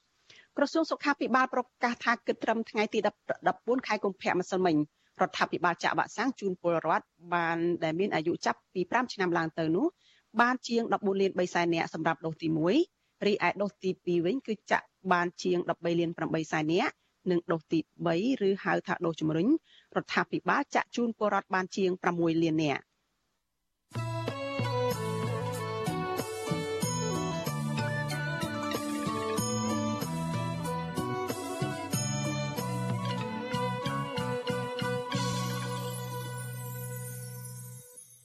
ចាលោកនាងជាទីមេត្រីចាយើងងាកទៅព័ត៌មានតកតងនឹងការគ្រប់គ្រងច្រកទ្វារអ៊ីនធឺណិតឯនេះវិញចាពលរដ្ឋមួយចំនួននៅតែព្រួយបារម្ភជាខ្លាំងចំពោះការរឹតបន្តឹងសិទ្ធិសេរីភាពនិងសវត្ថិភាពផ្ទាល់ខ្លួននៅតាមបណ្ដាញអ៊ីនធឺណិតដោយសារតែអនុក្រឹត្យរបស់រដ្ឋាភិបាលគ្រាន់តែពន្យាពេលអនុវត្តសិនតែមិនត្រូវបានលុបចោលនោះទេចាការព្រួយបារម្ភនេះធ្វើឡើងក្រោយដោយអ្នកនាំពាក្យក្រសួងប្រៃសណីនិងទូរគមនាគមន៍លោកមាសប៉ូបានប្រាប់សារសារព័ត៌មានក្នុងស្រុកថា គម្រោងចូលជាធរមាននៅថ្ងៃទី16ខែកុម្ភៈនៃអនុក្រឹត្យស្តីពីច្រកទ្វារអ៊ីនធឺណិតនោះត្រូវលើកពេលដោយគ្មានការកំណត់ដោយសារតែមូលហេតុនៃវិបត្តិជំងឺ Covid-19 ចាលោកមួងណារ៉េតរាយការណ៍ជុំវិញព័ត៌មាននេះប្រជាពលរដ្ឋមួយចំនួនព្រួយបារម្ភចំពោះការអនុវត្តខ្លឹមសារអនុក្រឹត្យស្តីពីច្រកទ្វារអ៊ីនធឺណិតដែលរងការរិះគន់និងមិនបានពិភាក្សាឲ្យគ្រប់ជ្រុងជ្រោយនៅក្នុងពេលដែលពួកគាត់មួយចំនួនមិនយល់ច្បាស់អំពីខ្លឹមសារនោះផង។ ពួកគាត់ថាបញ្ហានេះធ្វើឲ្យប្រជាពលរដ្ឋលែងហ៊ានចែករំលែកព័ត៌មាន និងបញ្ចេញទស្សនៈដោយសារតែភ័យខ្លាចអាជ្ញាធរយកច្បាប់នេះមកធ្វើជាមូលដ្ឋានដើម្បីតាមដាន ឬក៏ឆ្លប់យកព័ត៌មានឯកជន ដើម្បីចោទប្រកាន់ពួកគាត់។ ប្រជាពលរដ្ឋនៅខេត្តបាត់ដំបងកញ្ញាច័ន្ទសួរជាតិលើកឡើងថាអ៊ីនធឺណិតមានសារៈសំខាន់សម្រាប់ការស្រាវជ្រាវបង្កើតទំនាក់ទំនងលក្ខណៈឯកជនតាមដានព្រឹត្តិការណ៍សង្គមនិងបញ្ចេញមតិយោបល់ជាដើមក៏ប៉ុន្តែកញ្ញាមើលឃើញអ្នកប្រើប្រាស់មួយចំនួនទទួលរងការតាមដានហើយអាជ្ញាធរចាប់ខ្លួននិងចោទប្រកាន់ពួកគាត់តាក់ទងនឹងការបញ្ចេញមតិដែលធ្វើឲ្យអ្នកប្រើប្រាស់ផ្សេងទៀតភ័យខ្លាចលែងហ៊ានចែករំលែកព័ត៌មាននិងបញ្ចេញទស្សនៈដោយសារតែបារម្ភអំពីសុវត្ថិភាព កញ្ញាយល់ឃើញថាប្រសិនបើអនុក្រឹត្យច្រកទ្វារអ៊ីនធឺណិតនេះចូលជាធរមាននៅថ្ងៃណាមួយក៏ដោយវានឹងបើកដៃឲ្យអាជ្ញាធរបន្ថែមទៀតដើម្បីយកលេសតាមដានរដ្ឋបិទសិទ្ធិសេរីភាព និងគម្រាមកំហែងលើអ្នកប្រើប្រាស់ជាពិសេសប្រជាពលរដ្ឋដែលមាននានាការផ្ទុយពីរដ្ឋាភិបាល។ ប្រជាពលរដ្ឋមួយចំនួនគាត់មានការភ័យខ្លាចសាងគាត់អត់សូវយល់ពីផ្នែកច្បាប់ហើយមួយទៀតនៅពេលដែលចេញច្បាប់នឹងមកឬតារឹតបន្តឹងចាប់ចងគាត់ទៀតគាត់បារម្ភណាដោយសារអ្នកខ្លះពេលគាត់សៀអីមួយគាត់អត់ហ៊ានធ្វើការសៀចែកម្លែកទេដោយសារគាត់ដឹងថាច្បាប់នឹងចេញមកពេលគាត់ធ្វើអញ្ចឹងគេនឹងដឹងសកម្មភាពរបស់គាត់ហើយមួយទៀតនោះធ្វើឲ្យគាត់នឹងលែងហ៊ានក្នុងការសម្ដែងមតិរបស់គាត់លែងហ៊ានក្នុងការអនុវត្តសកម្មភាពរបស់គាត់ជាដើម ស្រដៀងគ្នានេះដែរប្រជាពលរដ្ឋនៅខេត្តសៀមរាបថ្លែងថារហូតមកដល់ពេលនេះលោកមើលមិនឃើញសារៈសំខាន់នៃច្បាប់នេះទេគឺឃើញតែគុណវិបត្តិរបស់វា ដែលមានចរិតរំលោភសិទ្ធិប្រជាពលរដ្ឋនៅក្នុងសង្គមប្រជាធិបតេយ្យស្របពេលដែលកន្លងទៅប្រជាពលរដ្ឋពុំមានទំនុកចិត្តចំពោះការអនុវត្តច្បាប់ពីសំណាក់អាជ្ញាធរស្រាប់ទៅហើយលោកឲ្យដឹងទៀតថាប្រជាពលរដ្ឋមួយចំនួនក៏បានរិះគន់ច្បាប់នេះផងដែរដោយសារតែរដ្ឋាភិបាលមិនបានផ្សព្វផ្សាយនិងពិភាក្សាឲ្យបានច្បាស់លាស់ជាមួយនឹងភាគីពាក់ព័ន្ធ។ លើសពីនេះទៅទៀតលោកយល់ថាវានឹងជួយឲ្យអាជ្ញាធរបង្កើនលទ្ធភាពតាមដាន និងលួចយកការឯកជនរបស់អ្នកប្រើប្រាស់ជាពិសេសចំពោះសារដែលរិះគន់កំហុសឆ្គងរបស់រដ្ឋាភិបាលបើទោះបីជាយ៉ាងនេះក្តីបើច្បាប់នេះនឹងនៅតែចូលជាធរមានលោកស្នើឲ្យអាជ្ញាធរអនុវត្តវាដោយតម្លាភាពស្មើភាពនិងគោរពភាពឯកជនរបស់ប្រជាពលរដ្ឋ ស្នើទៅរដ្ឋាភិបាលថាការអនុវត្តសិទ្ធិការប្រើប្រាស់អ៊ីនធឺណិតហ្នឹងគួរតែកុំឲ្យមានស្តង់ដារ2ក្នុងការអនុវត្តដូចជាច្បាប់នានាអញ្ចឹងឲ្យស្តង់ដារជារួមទៅហើយអនុវត្តឲ្យស្មើស្មើភាពគ្នារវាងអ្នកប្រើប្រាស់ទូទៅហើយនិងរដ្ឋាភិបាលអង្គការសង្គមស៊ីវិលពលរដ្ឋទូទៅសាមញ្ញធម្មតាកុំព្យាយាមរដ្ឋបិទទៅលើតែភាគីម្ខាងចំណែកឯប្រជាពលរដ្ឋនៅឯខេត្តព្រះវិហារកញ្ញាសួនពិសីកញ្ញាប្រាប់វិទ្យុអាស៊ីសេរីនៅថ្ងៃទី15ខែកុម្ភៈថាប្រជាពលរដ្ឋនៅតាមជនបទ កំពុងតែព្យាយាមប្រើប្រាស់អ៊ីនធឺណិតតាមរយៈបណ្ដាញសង្គមនានាដើម្បីតាមដាននិងចែករំលែកព័ត៌មាននៅក្នុងសង្គមដែលពួកគាត់ចូលចិត្តក៏ប៉ុន្តែអនុក្រឹត្យច្រកទ្វារអ៊ីនធឺណិតរបស់រដ្ឋាភិបាលដែលនឹងអនុវត្តនៅពេលណាមួយខាងមុខនោះគឺកញ្ញាមិនធ្លាប់ដឹងពីមុននោះទេយុវតីរូបនេះបារម្ភចំពោះអ្នកភូមិដែលមិនសូវមានចំណេះដឹងនៅក្នុងការប្រើប្រាស់បណ្ដាញអ៊ីនធឺណិតដែលអាចឲ្យពួកគាត់ប្រឈមបញ្ហាដោយសារច្បាប់នេះ ពីខ្ញុំទៅគេមានការព្រួយបារម្ភថាជាមកពីចំណេះដឹងគាត់គាត់មានអញ្ចឹងគឺក៏មានកម្រិតទាបហើយណាមួយលក្ខណៈគាត់មិនបានតាមដានព័ត៌មានអីវិទ្យុអាស៊ីសេរីមិនអាចតាក់ទងប្រធានអង្គភិបអ្នកណែនាំពីរដ្ឋាភិបាលលោកផៃស៊ីផានដើម្បីបកស្រាយជុំរឿងនេះបន្ថែមបានទេនៅថ្ងៃទី15ខែកុម្ភៈបើទោះបីជាយ៉ាងនេះក្តីតំណាងរដ្ឋាភិបាលកម្ពុជាបានចេញសារព្រមគ្នានៅថ្ងៃទី15ខែកុម្ភៈដើម្បីឆ្លើយតបទៅនឹងការព្រួយបារម្ភជាទូទៅលើបញ្ហានេះ ក្រសួងការបរទេសថាខ្លួនខកចិត្តដែលមានមតិរិះគន់រឿងនេះក្រសួងចាត់ទុកការរិះគន់នោះថាជាការចោទប្រកាន់គ្មានមូលដ្ឋានព្រោះក្រសួងអះអាងថារដ្ឋាភិបាលគោរពសិទ្ធិឯកជនភាពសេរីភាពបញ្ចេញមតិនិងការការពារទិន្នន័យឯកជនជាដើមចំណែកឯស្ថានបេសកកម្មអចិន្ត្រៃយ៍របស់កម្ពុជាប្រចាំនៅអង្គការសហប្រជាជាតិឯណោះវិញស្ថាប័ននេះបានចេញសេចក្តីថ្លែងការណ៍តបទៅនឹងការរិះគន់និងព្រួយបារម្ភរបស់អ្នករាយការណ៍ពិសេស3រូបរបស់អង្គការសហប្រជាជាតិនៅក្នុងរឿងនេះ។ តំណាងកម្ពុជាចោទអ្នករាយការណ៍ពិសេសថាយកបញ្ហានេះដើម្បីកេងចំណេញនយោបាយនិងបង្កើតឲ្យមានភាពភ័ន្តច្រឡំជាដើមពួកគេអះអាងទៀតថាអនុក្រឹត្យនេះមានភាពចាំបាច់និងសមាមាត្រនិងមានប្រយោជន៍ច្រើនសម្រាប់កម្ពុជា ទាំងប្រយោជន៍រកប្រាក់ចំណូលជូនរដ្ឋនិងទប់ស្កាត់បទល្មើសឆ្លងដែនជាដើមជាមួយរឿងនេះនាយករងទទួលបន្ទុកសិទ្ធិមនុស្សអង្គការលីកាដូលោកអំសំអាតថ្លែងថារដ្ឋាភិបាលបានបង្កើតស្ថាប័ននិងច្បាប់ដើម្បីឃ្លាំមើលនិងត្រួតពិនិត្យទៅលើបណ្ដាញសង្គមនិងអ៊ីនធឺណិត ដោយអ្នកប្រើប្រាស់ទាំងនោះត្រូវបានចាប់ខ្លួននិងធ្វើកិច្ចសន្យាជាដើមទន្ទឹមនឹងនេះអនុក្រឹត្យច្រកទ្វារអ៊ីនធឺណិតជាតិនឹងផ្ដល់អំណាចដល់អាជ្ញាធរបន្ថែមទៀតដោយសារតែខ្លឹមសារនៅក្នុងមាត្រាមួយចំនួនរំលោភលើសិទ្ធិសេរីភាពជាពិសេសសិទ្ធិឯកជនរបស់ប្រជាពលរដ្ឋ លោកឲ្យដឹងថាកន្លងទៅអង្គការសិទ្ធិមនុស្សជាតិនិងអន្តរជាតិនិងប្រទេសសេរីមួយចំនួនបានបង្ហាញអំពីក្តីបារម្ភនិងអនុសាសន៍ទៅកាន់រដ្ឋាភិបាលឲ្យពិចារណានឹងកែសម្រួលលើខ្លឹមសារទាំងនោះដែរក៏ប៉ុន្តែផ្ទុយទៅវិញរដ្ឋាភិបាលតែងតែបដិសេធចំពោះការលើកឡើងទាំងនោះមិនតែអង្គការជាតិដែលយើងធ្វើការលើកកម្ពស់ទៅលើសេរីភាពជាមូលដ្ឋានឬក៏សិទ្ធិមនុស្សទេសម្បីតែសហគមន៍អន្តរជាតិនិងអង្គទូតមួយចំនួនក៏គេមានការព្រួយបារម្ភដែរចំពោះការអនុវត្តនៃអនុក្រឹត្យនេះគឺមើលឃើញថាអាចនឹងរឹតបន្តឹងបន្ថែមទៀតសេរីភាពរបស់ប្រជាពលរដ្ឋជាពិសេសគឺសេរីភាពនៅក្នុងការបញ្ចេញមតិតាមប្រព័ន្ធអ៊ីនធឺណិតប្រព័ន្ធបណ្ដាញសង្គមបើទោះបីជាយ៉ាងនេះក្តីក្រោយការរិះគន់ជំទិះពីសហគមន៍ជាតិនិងអន្តរជាតិ អនុក្រឹត្យច្រកទ្វារអ៊ីនធឺណិតជាតិដែលគ្រោងអនុវត្តនៅថ្ងៃទី16ខែកុម្ភៈនោះត្រូវលើកពេលវិញដោយគ្មានកាលកំណត់ក៏ប៉ុន្តែនៅរសារទុកខ្លឹមសារដើមទាំងស្រុងនៃច្បាប់នេះដដែលក្រុមអង្គការជាតិនិងអន្តរជាតិនៅតែទទូចឲ្យរដ្ឋាភិបាលលោកហ៊ុនសែនធានាយ៉ាងណាឲ្យមានសេរីភាពជាមូលដ្ឋាន និងធានាប្រសិទ្ធភាពនៃការប្រើប្រាស់អ៊ីនធឺណិតនៅកម្ពុជាព្រមទាំងសុវត្ថិភាពសម្រាប់ប្រជាពលរដ្ឋខ្មែរទូទៅឲ្យស្របតាមរដ្ឋធម្មនុញ្ញខ្ញុំបាទមុងណារ៉េត With you Azizi ប្រធានាទី Washington ចាលោកនាងកញ្ញាជាទីមេត្រីចាលោកនាយករដ្ឋមន្ត្រីហ៊ុនសែនទទួលបានការសាទរភ្លុកទឹកភ្លុកដីពីប្រព័ន្ធឃោសនារបស់លោកថាលោកបានលើកមុខមាត់កម្ពុជាដែលទទួលបានពានរង្វាន់សន្តិភាពពីអង្គការសាសនារបស់ប្តីប្រពន្ធជនជាតិកូរ៉េ2នាក់ដែលមានឈ្មោះមិនសូវល្អចាប់ពានរង្វាន់ដែលលោកហ៊ុនសែនទទួលបាននោះមិនមែនជាពានរង្វាន់ Nobel សន្តិភាពដ៏មានកេរ្តិ៍ឈ្មោះល្បីល្បាញនោះទេចាលោកអ្នកនាងក៏ប្រកាសជាកំពុងមានចម្ងល់ដែរថាតើអ្វីទៅជាពានរង្វាន់ Nobel ពិភពលោក ហើយតើហេតុអ្វីបានជាលោកនាយរដ្ឋមន្ត្រីហ៊ុនសែនមិនទទួលបានពានរង្វាន់ Nobel សន្តិភាពតែបែរជាទទួលបានពានរង្វាន់ពីអង្គការឯកជនមួយនេះទៅវិញចាសសូមលោកអ្នកនាងរងចាំតាមដានកិច្ចពិភាក្សាអំពីរឿងនេះនៅក្នុងនីតិវេទិកានៃស្ដាប់វិទ្យុអាស៊ីសេរីចានៅយប់ថ្ងៃអង្គារនេះដែលនឹងពិភាក្សាអំពីបញ្ហានេះចាប្រសិនបើលោកអ្នកនាងមានសំណួរចង់សួររបស់ចង់សួរភ្ញៀវរបស់យើងនៅផ្ទាល់ឬក៏ចង់បញ្ចេញមតិយោបល់ ចាសសូមលោកអ្នកនាងដាក់លេខទូរស័ព្ទរបស់លោកអ្នកនាងនៅក្នុងខ្ទង់ comment របស់ YouTube និង Facebook វិទ្យុអាស៊ីសេរីដែលកំពុងតែផ្សាយផ្ទាល់នៅពេលនេះចាស់ក្រុមការងាររបស់វិទ្យុអាស៊ីសេរីនឹងស្រង់លេខទូរស័ព្ទរបស់លោកអ្នកនាងហើយទូរស័ព្ទទៅលោកអ្នកនាងវិញ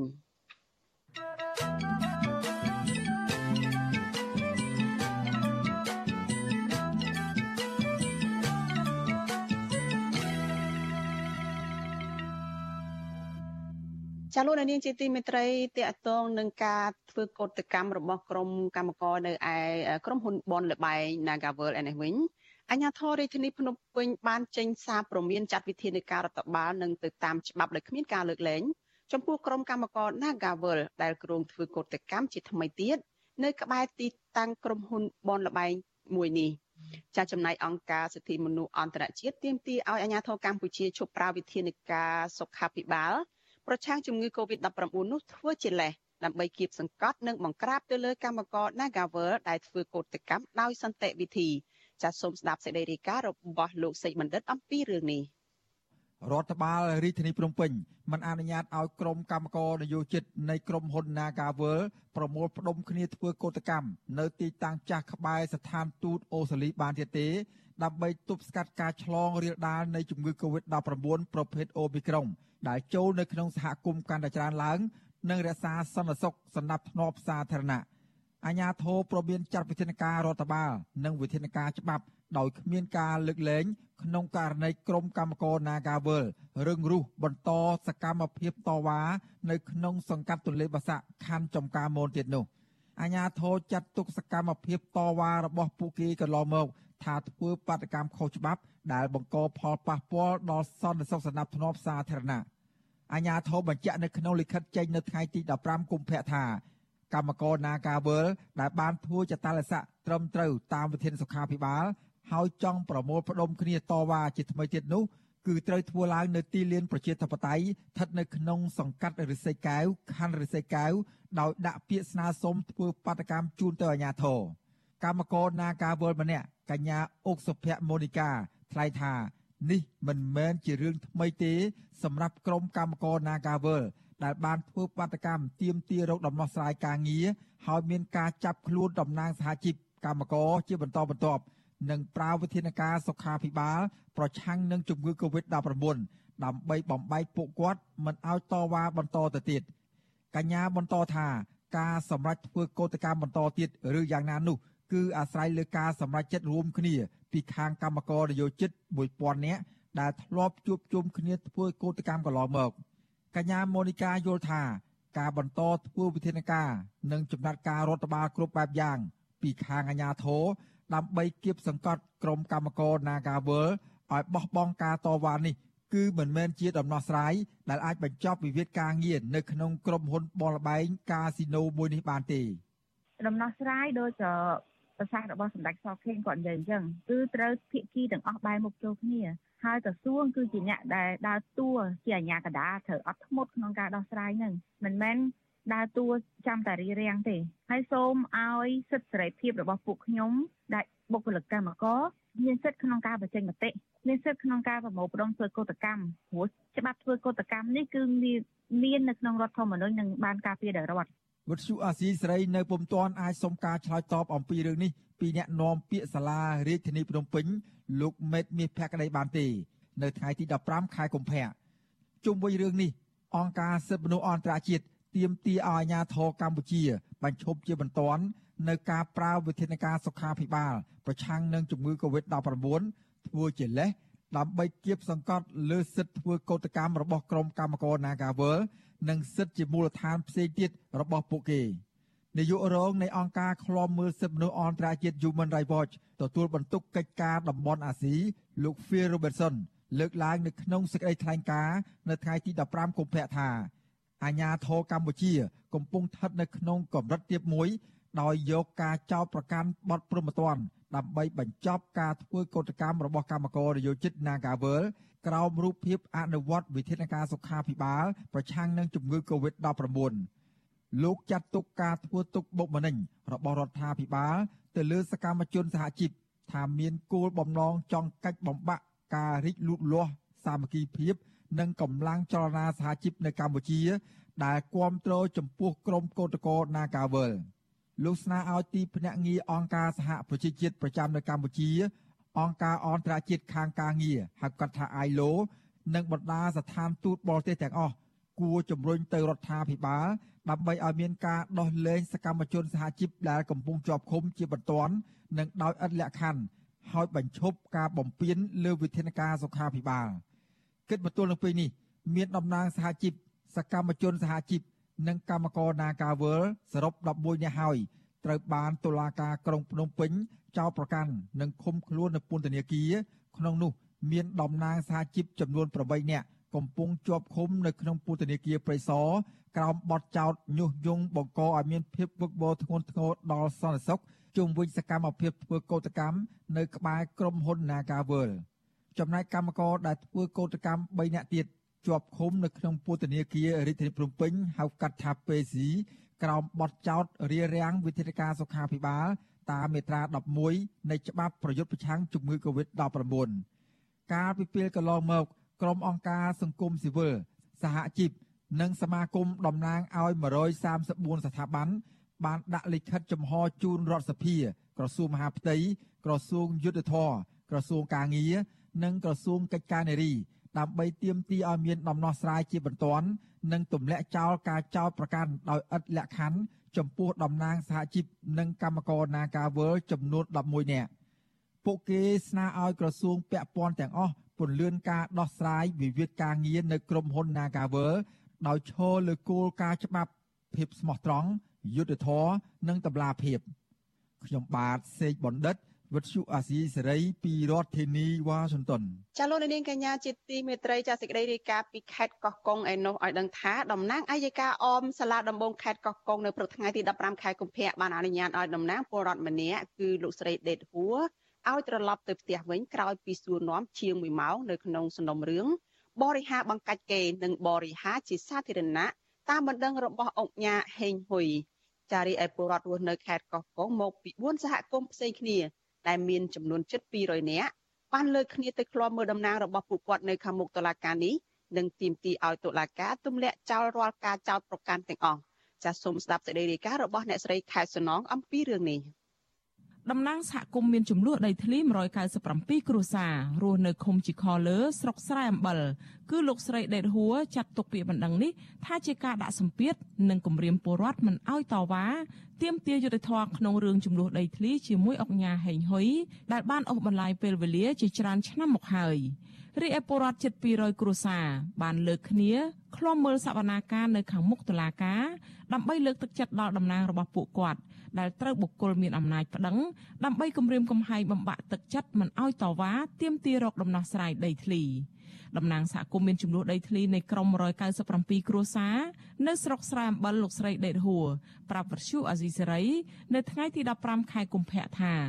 តំណាងអัยការលោកខុនភឿនបានសួរនាំលោកស្រីតាក់ទងទៅនឹងដំណើររឿងដែលលោកស្រីបង្ហោះសារតាមបណ្ដាញសង្គម Facebook កាលពីចុងឆ្នាំ2021ដោយភ្ជាប់រូបថតលោកអុកញ៉ាហេងហ៊ុយរំលោភយកដីពលរដ្ឋជិត200គ្រួសាររយៈពេលជិត10ឆ្នាំមកហើយហើយរហូតពេលនេះគ្មានដំណោះស្រាយនោះទេបញ្ហានេះលោកស្រីថាបានធ្វើឲ្យប្រជាពលរដ្ឋរស់នៅទាំងវេទនាទាំងផ្លូវកាយនិងផ្លូវចិត្ត លោកស្រីអះអាងថាគ្រួសារលោកស្រីមានដី8ហិកតាកាន់កាប់ជាង30ឆ្នាំមកហើយតែត្រូវក្រុមហ៊ុនរបស់អង្គការហេងហ៊ុយរំលោភយកទាំងស្រុង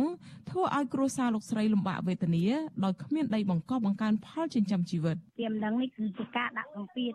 អត់អោយនាងខ្ញុំប្រុកឆ្លតវ៉ាធ្វើឲ្យប្រជាពលរដ្ឋរស់នៅភូមិធានី197គ្រួសារធ្លាក់ខ្លួនក្រអត់បាយហូបអត់ស្រែធ្វើអត់ដីអាស្រ័យផលហើយខ្លះទៀតរកទៅអំណាក់ស្រុកខ្លះទៀតទៅធ្វើពលករគេកម្មករគេយ៉ាងប្រិស័យយ៉ាងទៅចឹងនិយាយថាយ៉ាងឈឺចាប់ដែលយើងបាត់បង់ដីមិនអាចអាញាធមមួយណាដោះស្រាយឲ្យយើងចឹងណា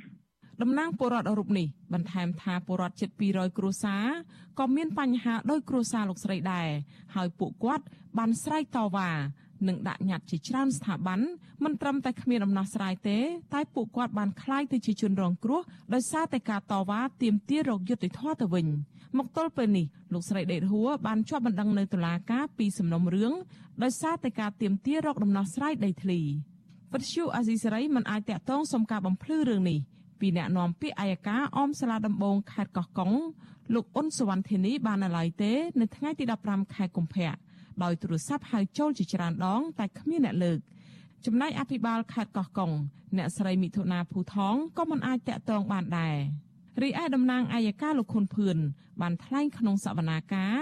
ដោយលោកបានសួរនាំតំណាងពលរដ្ឋផ្អែកតាមពាក្យបណ្ដឹងរបស់អុកញ៉ាហេងហ៊ុយ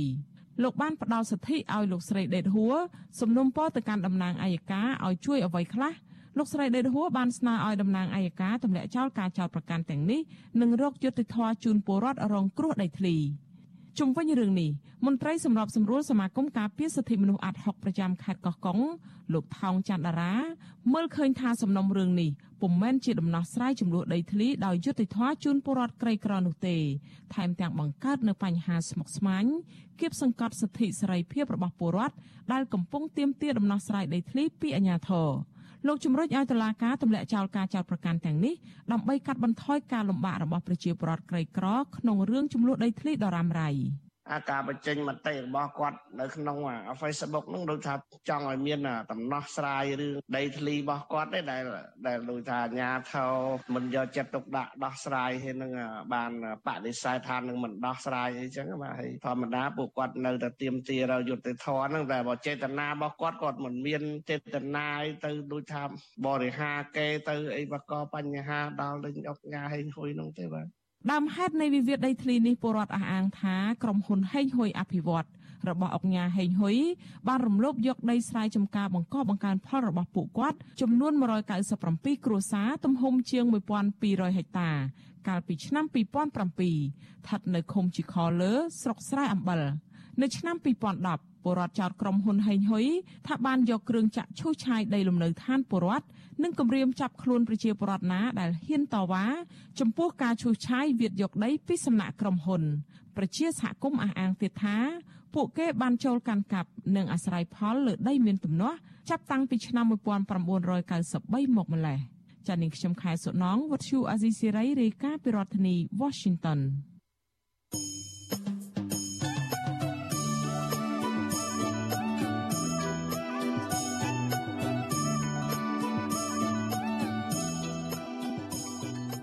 ចាលោកអ្នកនាងកញ្ញាជាទីមេត្រីចានៅក្នុងឱកាសនេះដែរចានេះខ្ញុំសូមថ្លែងអំណរគុណដល់លោកអ្នកនាងកញ្ញាទាំងអស់ដែលតែងតែមានភក្ដីភាពចំពោះការផ្សាយរបស់យើងហើយចាត់ទុកការស្ដាប់វិទ្យុអាស៊ីសេរីចាជាផ្នែកមួយនៃសកម្មភាពប្រចាំថ្ងៃរបស់លោកអ្នកនាង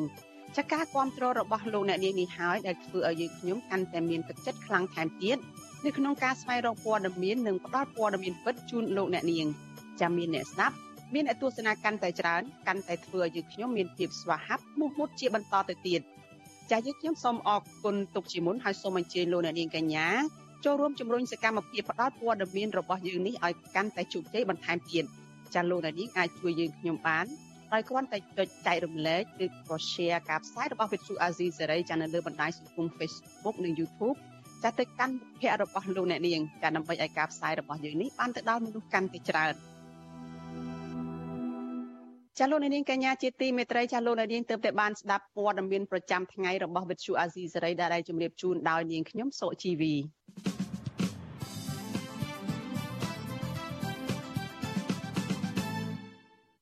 ចាជាបន្តទៅទៀតនេះគឺជានីតិវេទិកាអ្នកស្ដាប់វិទ្យុអាស៊ីសេរី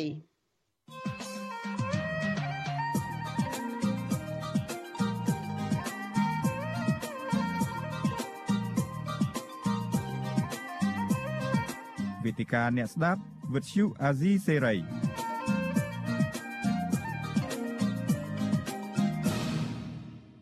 ចា៎នេះខ្ញុំសូជីវីសូមជម្រាបសួរជាថ្មីទៅដល់លោកអ្នកនាងដែលកំពុងតែតាមដានការផ្សាយរបស់វិទ្យុអាស៊ីសេរីចានីតិវេទិកាអ្នកស្ដាប់វិទ្យុអាស៊ីសេរីនៅយប់នេះនឹងពិភាក្សានឹងពិភាក្សាថាតើលោកយមត្រីហ៊ុនសែនមានលក្ខណៈសម្បត្តិគ្រប់គ្រាន់ក្នុងការទទួលបានពានរង្វាន់សន្តិភាពពិភពលោកដែរឬទេ ចានៅក្នុងពេលថ្មីថ្មីនេះលោកយមត្រីហ៊ុនសែនទើបបានទទួលពានរង្វាន់សន្តិភាពពីអង្គការសាសនារបស់ប្តីប្រពន្ធជនជាតិកូរ៉េ2នាក់គឺពានរង្វាន់សុនហៈពីអង្គការសហព័ន្ធសន្តិភាពសកលលោកចាប្រព័ន្ធផ្សព្វផ្សាយរបស់លោកយមត្រីហ៊ុនសែនបានសាទរភ្លុកទឹកភ្លុកដីដោយអះអាងថាលោកបានលើកមុខមាត់ឲ្យកម្ពុជាប៉ុន្តែក៏មានការរិះគន់ពីអ្នកតាមដានបញ្ហាសង្គមនិងគណៈបកប្រឆាំងដែរថា ពានរង្វាន់នោះគឺជាជាពានរង្វាន់ដែលបោកបញ្ឆោតពលរដ្ឋព្រោះអង្គការរបស់ប្តីប្រពន្ធជនជាតិកូរ៉េនោះគឺមានឈ្មោះមិនសូវល្អទេ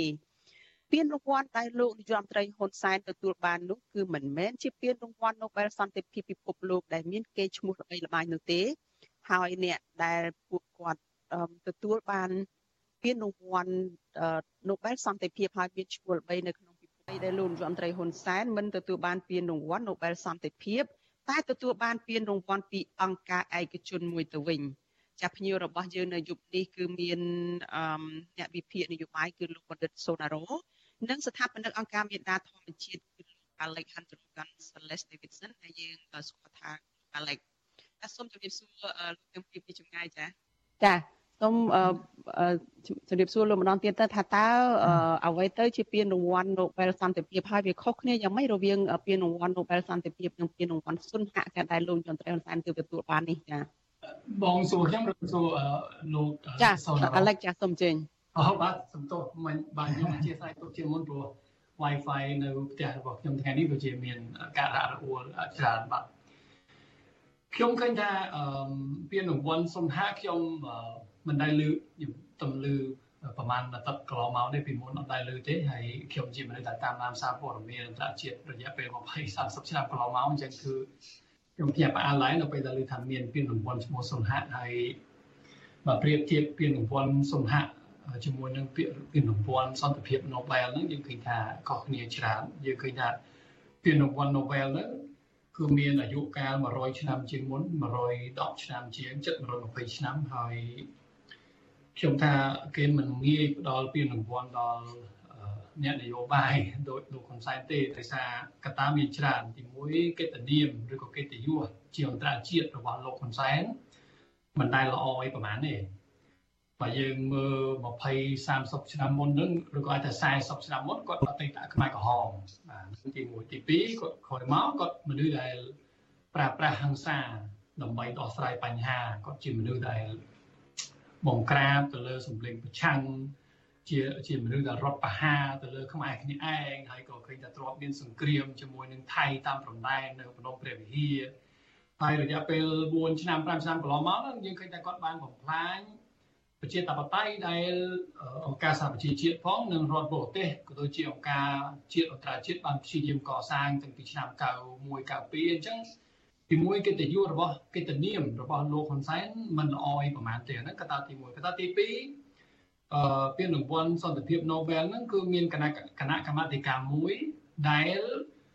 អ្នកជ្រើសរើសហ្នឹងគឺសភានៅប្រទេស Norway នៅនៅអឺរ៉ុបហើយប្រទេស Norway ហ្នឹងគឺជាប្រទេសដែលអាចនិយាយថាលេខ1ឯងបាទឬក៏សឹងតែលេខ1នៅក្នុងពិភពលោកនៅក្នុងការគោរពសិទ្ធិមនុស្ស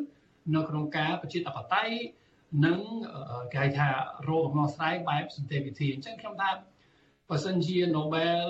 ពានរង្វាន់ Nobel នឹងជ្រើសរើសលោកហ៊ុនសែនឬក៏មេផ្ដាច់ការណាម្នាក់ទៅជាអ្នកដែលទទួលពានរង្វាន់ជារឿងចម្លែកជារឿងចម្លែកមែនទែនដែលខ្ញុំឃើញថាលោកហ៊ុនសែនត្រូវតែប្រែប្រួលអេរិយាបថច្រើនបាទអាកប្បកិរិយាសកម្មភាព និងផ្នត់កំណត់របស់លោកហ៊ុនសែនត្រូវតែផ្លាស់ប្ដូរអាចថា360ដឺក្រេបើសិនជាគាត់ចង់មានពានរង្វាន់បែប Nobel ណាបាទខ្ញុំសូមឆ្លើយប៉ុណ្្នឹងសិនអរគុណបាទចាអរគុណច្រើនលោកអាឡិចចាចំពោះលោកមនិតសូណារ៉ូវិញចាលោកមានអ្វីចង់បន្ថែមត្រង់ចំណុចប្រៀបធៀបគ្នារវាងពានរង្វាន់ដែលលោកយមត្រែនសែនទទួលបាននិងពានរង្វាន់ Nobel សន្តិភាពពិភពលោកចាបាទអរគុណណាស់ជាបឋមសូមជម្រាបសួរលោកអាឡិច ហើយសូមជម្រាបសួរប្រិមិត្តវិទ្យុអាស៊ីសេរីទាំងអស់ថ្ងៃនេះខ្ញុំសូមធ្វើការបកស្រាយពានរង្វាន់ទាំងពីរនេះมันអាចប្រៀបធៀបបានទេពានរង្វាន់ Nobel គឺលំដាប់គេមានគណៈកម្មការនៃការវាយតម្លៃឲ្យច្បាស់លាស់ណាស់ហើយលំដាប់ពិភពលោកដែលមានគេឈ្មោះខ្លាំងណាស់ក៏ប៉ុន្តែក៏ជាឈ្មោះរបស់បុគ្គលដែរបុគ្គលឈ្មោះ Nobel ហ្នឹងបុគ្គលឈ្មោះ Nobel នេះក៏មានកំហុសដែរ គាត់មានកំហុសធ្ងន់ធ្ងរគឺគាត់ជាអ្នកឆ្នៃរកឃើញក្របរំសេវមុនគេ រំសេវ TNT ហ្នឹងមុនគេហើយរំសេវដោយសារមានរំសេវនឹងហើយដែលវាធ្វើឲ្យក្របបែកកាន់តែមានមហិទ្ធិឫទ្ធិក្នុងការកំទេចបំផ្លាញសត្រូវរហូតដល់សង្គ្រាមលោកលើកទី1ទី2អីសិតតាដោយសារស្នាដៃនៃបញ្ហារឿងរំសេវដែលលោកលោកបានរកឃើញហ្នឹងហើយគាត់ជាដោយសាររកឃើញរំសេវហ្នឹងគាត់មានកម្មសិទ្ធិបញ្ញាហ្នឹងគាត់រកមាន មានលុយខ្លាំងណាស់មានបានប៉ុន្តែដល់ពេលគាត់ចាស់ទៅគាត់មានអារម្មណ៍ថាគាត់សោកស្ដាយថាអ្វីដែលគាត់រកឃើញហ្នឹងវាបំផ្លាញសន្តិភាពពិភពលោកវាសម្លាប់មនុស្សច្រើនណាស់អញ្ចឹងគាត់មានរមើបើន័យថាគាត់មានការវិបដិសេរីរហូតដល់គាត់បង្កើតពានរង្វាន់នេះដើម្បីតបស្នងឡើងវិញអ្នកណាស្វែងរកសន្តិភាពអ្នកណាជួយកាត់បន្ថយរឿងចម្បាំងសង្គ្រាមឯនេះហ្នឹងគឺអ្នកនឹងនឹងបាន ពានរង្វាន់ហ្នឹងហើយគាត់ឲ្យគណៈកម្មការមួយហើយជាពិសេសគឺគណៈកម្មការនៅ Norway ដល់ការសភាហ្នឹងគេវាយតម្លៃម៉ត់ចត់ណាគេមើលឲ្យមួយឆ្នាំមួយឆ្នាំមានបេក្ខជនគេដាក់ទៅគ្រប់ប្រទេសទាំងអស់ច្រើនមែនទែនដើម្បីជ្រើសរើសអញ្ចឹងពានរង្វាន់នេះមានតម្លៃនៅត្រង់ថាទី1តម្លៃជាថវិកាលុយក៏ច្រើន ទី2ទៀតតម្លៃនៃកិត្តិយសក៏ធំដុំហើយក៏មានអិសរាជជនអ្នកនយោបាយមួយចំនួនក៏បានដែរមិនមែនត្រឹមតែអ្នកបរិស្ថានអ្នកអីទេចំណែកពានរង្វាន់សុនហៈនេះ គឺទំថ្មីថ្មោងឯប្រហែលជាលោកសុនហៈនឹងគាត់បន្ទាប់ពីគាត់ធ្វើសកម្មភាពគាត់រកលុយបានច្រើនដែរឮថាដល់រាប់ពាន់លានដុល្លារណាហើយអញ្ចឹងហើយគាត់ស្លាប់ទៅប្រហែលគាត់ក៏ចង់សុបបិនរបស់គាត់ចង់ឲ្យឃើញសន្តិភាពនៅក្នុងឧបទ្វីបកូរ៉េដោយសារតែគាត់កើតនៅកូរ៉េខាងជើងរួចហើយគាត់ក៏ចង់ឲ្យកូរ៉េទាំងពីរហ្នឹងកុំឲ្យបែកគ្នារវាងខាងជើងនិងខាងត្បូងហើយឲ្យមានសន្តិភាពដើម្បីអាចរួមរស់ជាមួយគ្នាកុំធ្វើចម្បាំងរាំងជលដូចកាលពីប្រហែល10ឆ្នាំមុនហ្នឹងចឹងទៅប្រហែលជាអញ្ចឹងគាត់រៀនសូត្រតាមលោក Nobel ហ្នឹងក៏មិនដឹងហើយគាត់បង្កើតជាពានរង្វាន់មួយពានរង្វាន់នេះនៅនៅថ្មីថ្មោងមិនទាន់បានល្បីសុខសាយពិភពលោកទេក្នុងបញ្ហានេះខ្ញុំសូមចាប់អារម្មណ៍រឿងមួយបើសិនជាលោកហ៊ុនសែនបានទទួលពានរង្វាន់លេខជើងឯកបរិស្ថានដូចលោកអាឡែកចឹង ប្រហែលជាអានឹងគេហៅថាដូចលោកសំរងស៊ីថាអញ្ចឹងគឺគណៈកម្មការនឹងឈួតសតហើយហ្នឹងហើយគាត់មិនមានអឺសណាដៃណារឿងបរិស្ថាននេះបើលោកអាឡិចប្រហែលជាមានច្រើនជាងហើយក៏ដូចជាលោកសំរងស៊ីក៏ធ្លាប់ទទួលពានរង្វាន់ជើងឯកសិទ្ធិមនុស្សនៅកូរ៉េនឹងឯងអង្គការមួយតូចជាងសុនហៈទៀតតូច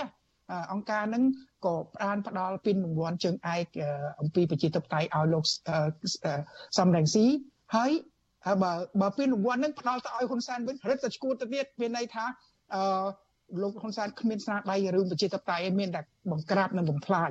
ចំណែកលោកកឹមសុខាក៏ធ្លាប់បានទទួលពានរង្វាន់ហៅថាពានរង្វាន់សិទ្ធិមនុស្សនិងប្រជាធិបតេយ្យបាទសិទ្ធិមនុស្សប្រជាធិបតេយ្យហើយពានរង្វាន់នេះស័ក្តិសមបកគលជូនលោកកឹមសុខាដោយសារការស្នាដៃនៃការខិតខំប្រឹងប្រែងរបស់គាត់ក្នុងការពង្រឹងបញ្ហាប្រម៉ូតនៃការ ធ្វើសិទ្ធិសិទ្ធិមនុស្សការផ្សព្វផ្សាយសិទ្ធិមនុស្សក៏ដូចជាប្រជាធិបតេយ្យហ្នឹងតែបើពីនវត្តហ្នឹងបកគលឲ្យហ៊ុនសែនក៏រឹតតែឈួតទៅទៀតវាមិនខុសទេក៏ប៉ុន្តែបញ្ហារឿងនៅត្រង់ថាពីនវត្តនេះគឺឈ្មោះវាគឺពីនវត្តសន្តិភាព ក្នុងន័យណាមួយសន្តិភាពមានតម្លៃមានតម្លៃជាពិសេសគឺសម្រាប់ប្រជាពលរដ្ឋខ្មែរនឹងឯងគឺរងចម្បាំងរាំងជលតាំងពីឆ្នាំ1970រហូតដល់ឆ្នាំ1993 92 93រហូតដល់កិច្ចព្រមព្រៀងទីក្រុងប៉ារីសនេះអញ្ចឹងខ្មែរយើងឆ្លងកាត់សង្គ្រាមរាំងជលសម័យគាត់ផ្លោងអ្នកណាចាស់ចាស់ដឹងហើយសម័យគាត់ផ្លោងវេទនាណាស្លាប់ច្រើនស្លាប់ច្រើនជាងគេបំផុតបន្ទាប់ពីសង្គ្រាមហើយគឺរបបខ្មែរក្រហមដែលជារបបកុម្មុយនីសខូខើសាហាវចូលមកកាន់កាប់ហើយសម្រាប់មនុស្សរាប់លានអ្នក ហើយធ្វើឲ្យអត់ឃ្លានធ្វើឲ្យវេទនាចម្បាំងរែងជុលក្រោយមកក៏ប្រទេសហ៊ានវៀតណាមនឹងបានវាយលុកមកកម្ពុជាដើម្បីក្នុងលេសនៃការរំដោះបន្តកាន់កាប់ទឹកដីកម្ពុជាតទៅទៀតចឹងទៅធ្វើឲ្យក៏សង្គ្រាមរ៉ាំរ៉ៃខ្មែរស្លាប់តតគ្នារហូតដល់សម័យក5កអីនឹងស្លាប់ច្រើនមែនទេអញ្ចឹងសម្រាប់ខ្មែរ ខ្ញុំនិយាយនោះទៅស្បោះត្រង់ដល់ចេញពីបេះដូងខ្លួនឯងគឺតម្លៃសន្តិភាពធំធេងខ្ញុំធ្លាប់រស់នៅសម័យរដ្ឋកម្ពុជាសាធារណរដ្ឋប្រជាមានិតកម្ពុជាធ្វើដំណើរពីពីភ្នំពេញទៅដល់បាត់ដំបងពីព្រឹកព្រលឹមរហូតដល់យប់យប់មែនតើមិនទៅដល់គាត់ថាផ្លូវបាក់បែកតាមផ្លូវគ្រោះថ្នាក់មែនតើប៉ុន្តែក៏មិនទាន់គ្រោះថ្នាក់ដល់ចំនួនហ្នឹងខ្ញុំធ្លាប់ធ្វើជាអ្នកសារព័ត៌មានធ្វើដំណើរទៅប្រាវិហារគឺគ្មានផ្លូវតម្ដងជិះឡានគឺជាអាដំរីទឹកដំរីទឹកគឺជាឡានយោធាដ៏ខ្លាំងក្លា ហើយមានតបទៅតាមការពារជាង500នាក់ដើម្បីធ្វើដំណើរខ្លាចតែតាមផ្លូវមានខ្មែរក្រហមពួនស្ទាក់បាញ់กับសម្លាប់អីទៀតអញ្ចឹងខ្ញុំឃើញថាបច្ចុប្បន្ននេះតម្លៃសន្តិភាពវាមានមិនមែនអត់មានទេអញ្ចឹងពានរង្វាន់នេះមិនមែនសម្រាប់ប្រជាធិបតេយ្យមិនមែនសម្រាប់សិទ្ធិមនុស្សទេតែជារង្វាន់សន្តិភាពហើយពានរង្វាន់សន្តិភាពនេះបកគលហ៊ុនសែនក៏មិនខុសដែរក៏ប៉ុន្តែមិនមែនស្នាដៃរបស់លោកហ៊ុនសែនម្នាក់ទេសន្តិភាពបានមកពីកម្ពុជាគឺសន្តិភាពបានពិតប្រកបមកពី កិច្ចព្រមព្រៀងទីក្រុងប៉ារីស23ដុល្លារ1991ដែលសហគមន៍អន្តរជាតិទាំងអស់នោះផ្ដល់អំណោយទានសុខស្រួលគ្នាឲ្យកម្ពុជាចំណែកគ្រប់ភាគីទាំងអស់ជាពិសេសគឺស្នាដៃស្នាប្រហោះធំជាងគេបំផុតនៃសន្តិភាពកម្ពុជាគឺសម្ដេចព្រះនរោត្តមសីហនុក៏ដូចជា4ភាគីមានភាគីលោកស៊ិនសាមានភាគីទាំងខ្មែរក្រហមហើយក៏មានភាគីសាធារណរដ្ឋប្រជាមានិតកម្ពុជាស្រុះស្រួលគ្នាកសាងសន្តិភាពឡើងគ្រាន់តែហ៊ុនសែនចុងក្រោយនេះគាត់ បានបញ្ជុបន្តនៃស្នាដៃទាំងអស់ហ្នឹងជំរុញបន្ថែមឲ្យមានការចុះចូលពីពួកខ្មែរក្រហមដើម្បីរួបរวมឯកភាពទឹកដីអញ្ចឹងហើយ គាត់ដោយជាដណ្ដើមយក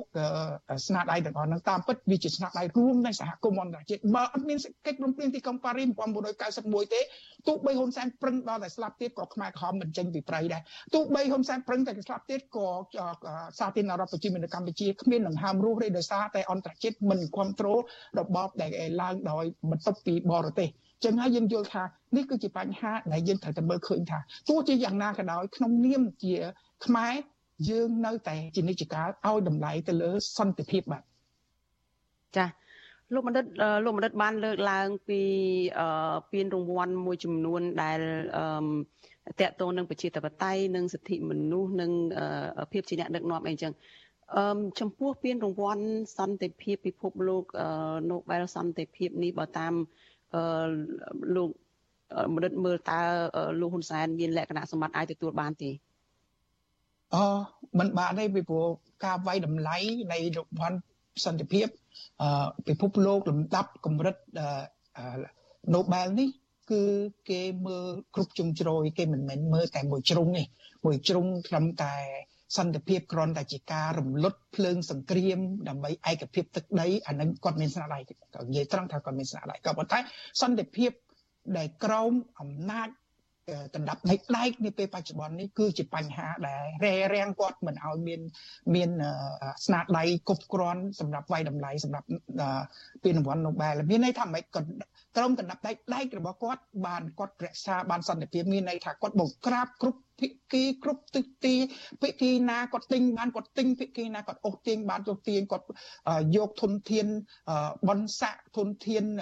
ទ្រព្យសម្បត្តិជាតិចែកឲ្យគ្រប់គ្នាដើម្បីធំយ៉ាងណាឲ្យភាគីទាំងអស់ហ្នឹងព្រមចុះចូលមួយគាត់ហើយគាត់ទៅ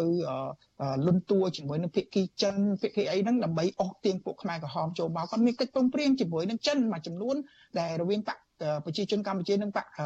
កុម្មុយនីសចិនហ្នឹងបានចិនបន្លែងពួកខ្មែរក្រហមឲ្យចុះចូលជាមួយនឹងគាត់មិនមែនថាអត់ទេ ចឹងក្រុមកណ្ដាប់ដៃរបស់គាត់ការបង្ស្នាដៃនៃការបង្ក្រាបប្រជាធិបតេយ្យការស្នាដៃនៃការរំលោភសិទ្ធិមនុស្សស្នាដៃនៃការធ្វើឲ្យទោសទុកបុកម្នេញអីគ្រប់បែបយ៉ាងហ្នឹងហើយការបោះឆ្នោតដោយមិនមានតម្លាភាពនិងសេរីភាពហ្នឹងធ្វើឲ្យសន្តិភាពរបស់លោកហ៊ុនសែនគ្រាន់តែជាសន្តិភាពមួយមិនថិតខ្ញុំអាចប្រើពាក្យថាមិនថិតថេរឬក៏សន្តិភាពមានដែនកំណត់បាន limit limited peace មានដែនកំណត់យ៉ាងម៉េច សន្តិភាពនេះមានដែនកំណត់នៅត្រឹមជីវិតហ៊ុនសែននេះហ៊ុនសែនរាល់ថ្ងៃមានជីវិតគាត់គ្រប់គ្រងបានកងទ័ពគ្រប់គ្រងបានមន្ត្រីរាជការមកគ្រប់បានតុលាការគ្រប់គ្រងបានអីទាំងអស់អញ្ចឹងមកគាត់បង្ក្រាបអីក៏អត់មានតនអ្នកណាមានប្រសិទ្ធភាពក្នុងការងើបឡើងដែរបកប្រឆាំងបែកបាក់គ្នាទុនខ្សោយពេកតមិនអាចតទល់មួយហ៊ុនសែនបានក៏ប៉ុន្តែអញ្ចឹងលោកមនិតអញ្ចឹងមិនមែនមានន័យថាលោកយមត្រីហ៊ុនសែនគ្រប់គ្រងបានរក្សាសន្តិភាពបានទេមិនអញ្ចឹងអឺ ក្នុងក្នុងចំនួនគាត់បើគាត់នៅមានជីវិតខ្ញុំនៅតែជឿថាសន្តិភាពបច្ចុប្បន្ននេះនៅតែបន្តក៏ប៉ុន្តែខ្ញុំមានការបារម្ភមែនទែននៅត្រង់ថាជីវិតយើងវាមិនអមតៈហើយវាមិនទៀងទាត់ទៀតអ្នកស្រីសូជីវីដឹងហើយអាចយកនេះខ្ញុំស្លាប់រឿងអ្នកផ្សេងដតីណាស្លាប់ឬក៏លោកហ៊ុនសែនស្លាប់យើងអត់ប្រមាថជីវិតអ្នកណាហើយឧទាហរណ៍បើយកនេះស្លាប់ដោយសារកម្ពុជាគ្មានស្ថាប័នអីរឹងមាំ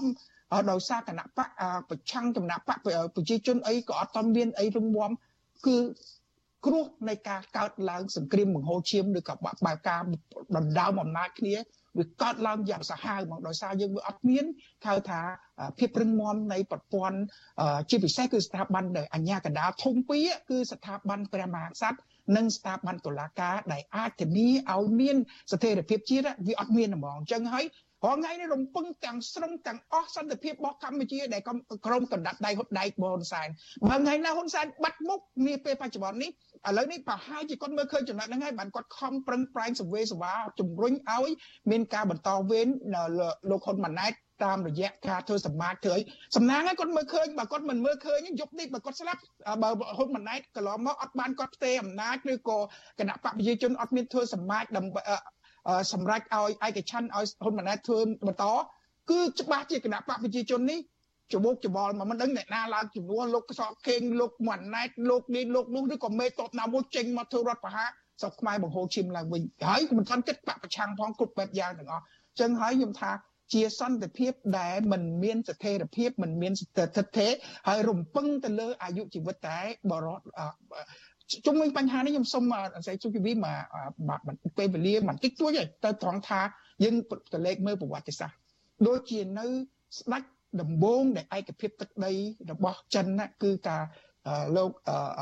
ព្រះអង្គជីនស៊ុយវ៉ាន់វ៉ាន់ឌីជីនស៊ុយវ៉ាន់ឌីនេះព្រះអង្គរួបរวม6នគរដែលបង្កើតមហាកំផែងនេះគឺព្រះអង្គរួបរวมបាន6នគរកសាងមហាចក្រគោថាខ្លាំងក្លារបស់ចិនឯកភាពទឹកដីលើកដំបូង ក្នុងប្រវត្តិសាស្ត្ររបស់ចិនហើយហើយព្រះអង្គខ្លាំងមែនទែនសម័យព្រះអង្គគឺមានសុខសាន្តប៉ុន្តែកណ្ដាប់ដីដែកលោកមនិតសម្រាប់សូមកាត់ប្រសាសន៍លោកមនិតត្រង់នឹងបន្តិចសិនដោយសារតែ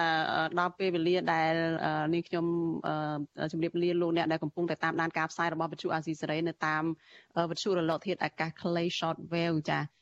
ចំពោះលោកអ្នកនាងដែលកំពុងតែតាមដានការផ្សាយរបស់យើងតាមបណ្ដាញសង្គម Facebook ចាសសូមបន្តតាមដានតទៅទៀតចាចំពោះលោកអ្នកនាង